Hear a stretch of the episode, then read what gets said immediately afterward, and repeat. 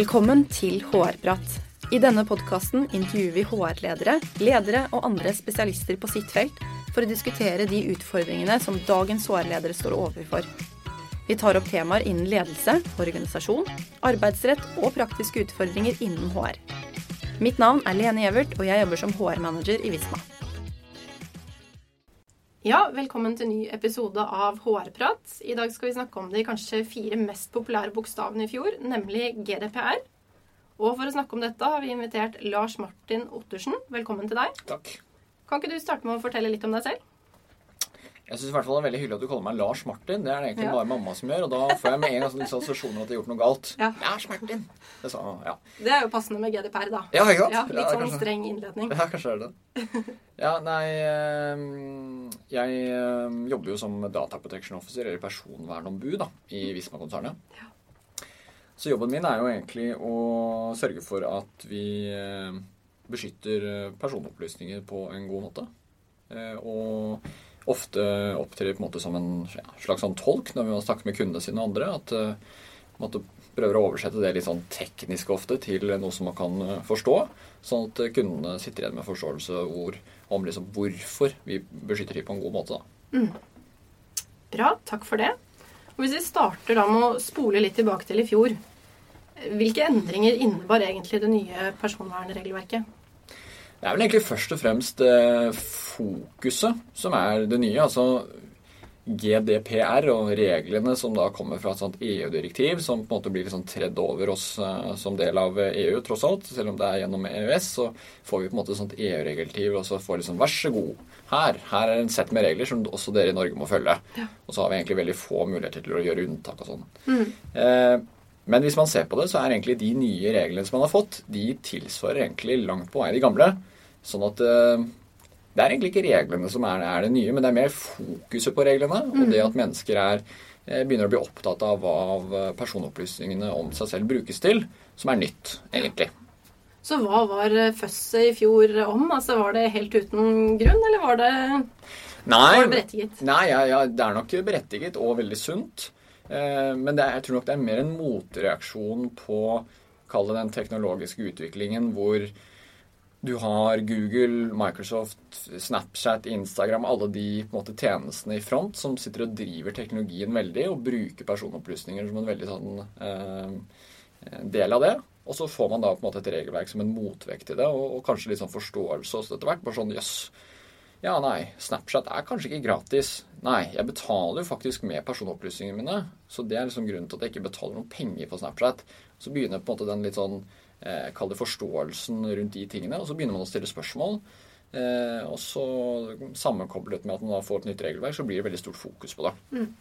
Men forskjellen på Snapchat og arbeidsgiver eh, er jo for de aller fleste av oss vil jeg påstå ganske stor. Hvorfor, på en måte, hvorfor er dette da kommet inn i arbeidsgiversammenheng? Mm, det er jo det som eh, jeg tror mange virksomheter kan føle på at iblant er en litt sånn urettferdig følelse. Fordi man eh, leser og hører om eh, avanserte algoritmer som jobber i Facebook og Snapchat, da, for å ta de to som eh, eksempler.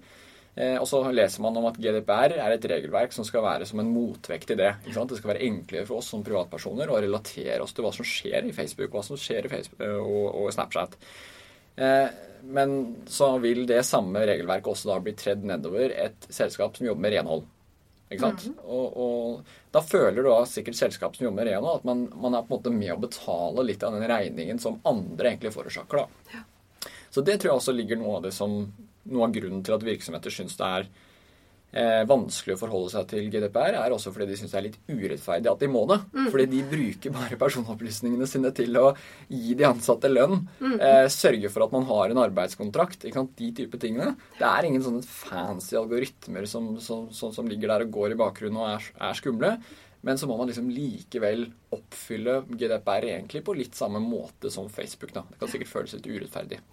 Ja, det kan det nok. Men eh, holdt på å si nytt eller ikke. Hvor krevende tror du det var for de fleste norske virksomheter å tilpasse seg GDPR? Jeg tror eh, mange syns det er veldig krevende.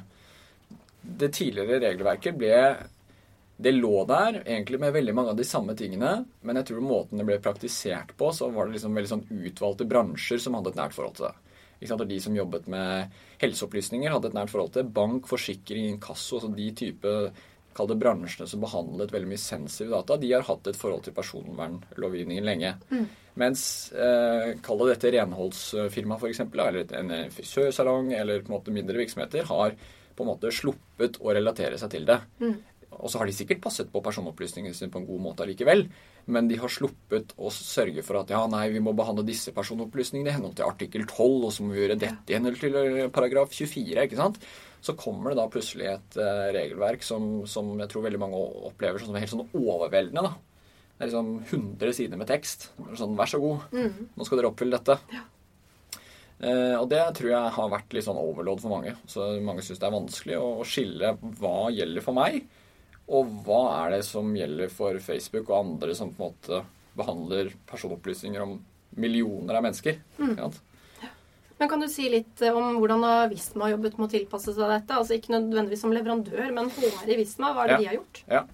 Eh, vi- har vel egentlig gjort mer av det samme. Vi- er jo heldige sånn sett fordi at vi er et stort selskap som eh, har ressurser og muligheter til å tenke på dette her. Mhm. Ikke sant? Ehm, eh, sånn at jeg, min opplevelse er i hvert fall at vi har måttet involvere flere i å gjøre Ja. det samme. Eh, før så var det kanskje nok at to, tre, fire mennesker kjente til hvordan man gjorde det, og så sørget man for at man hadde et system, og så holdt det egentlig unna for spørsmål og på en måte det man måtte gjøre. Mens nå er det mye større oppmerksomhet rundt det, så man må egentlig måtte involvere alle. Alle som jobber med HR, må vite hva som ligger i Mm. eh, måte viktigheten av personopplysninger. Eh, sånn at det, istedenfor at det er én som Kall det i HR-avdelingen som tar lead på det. Ja, nei, det er liksom Lene som jobber med, med, med personvern. Så, så føler jeg at vi har gått til det at alle jobber litt med det. Mm. Så kan én gjerne ha lyd på det, men alle vet på en måte hva det går i.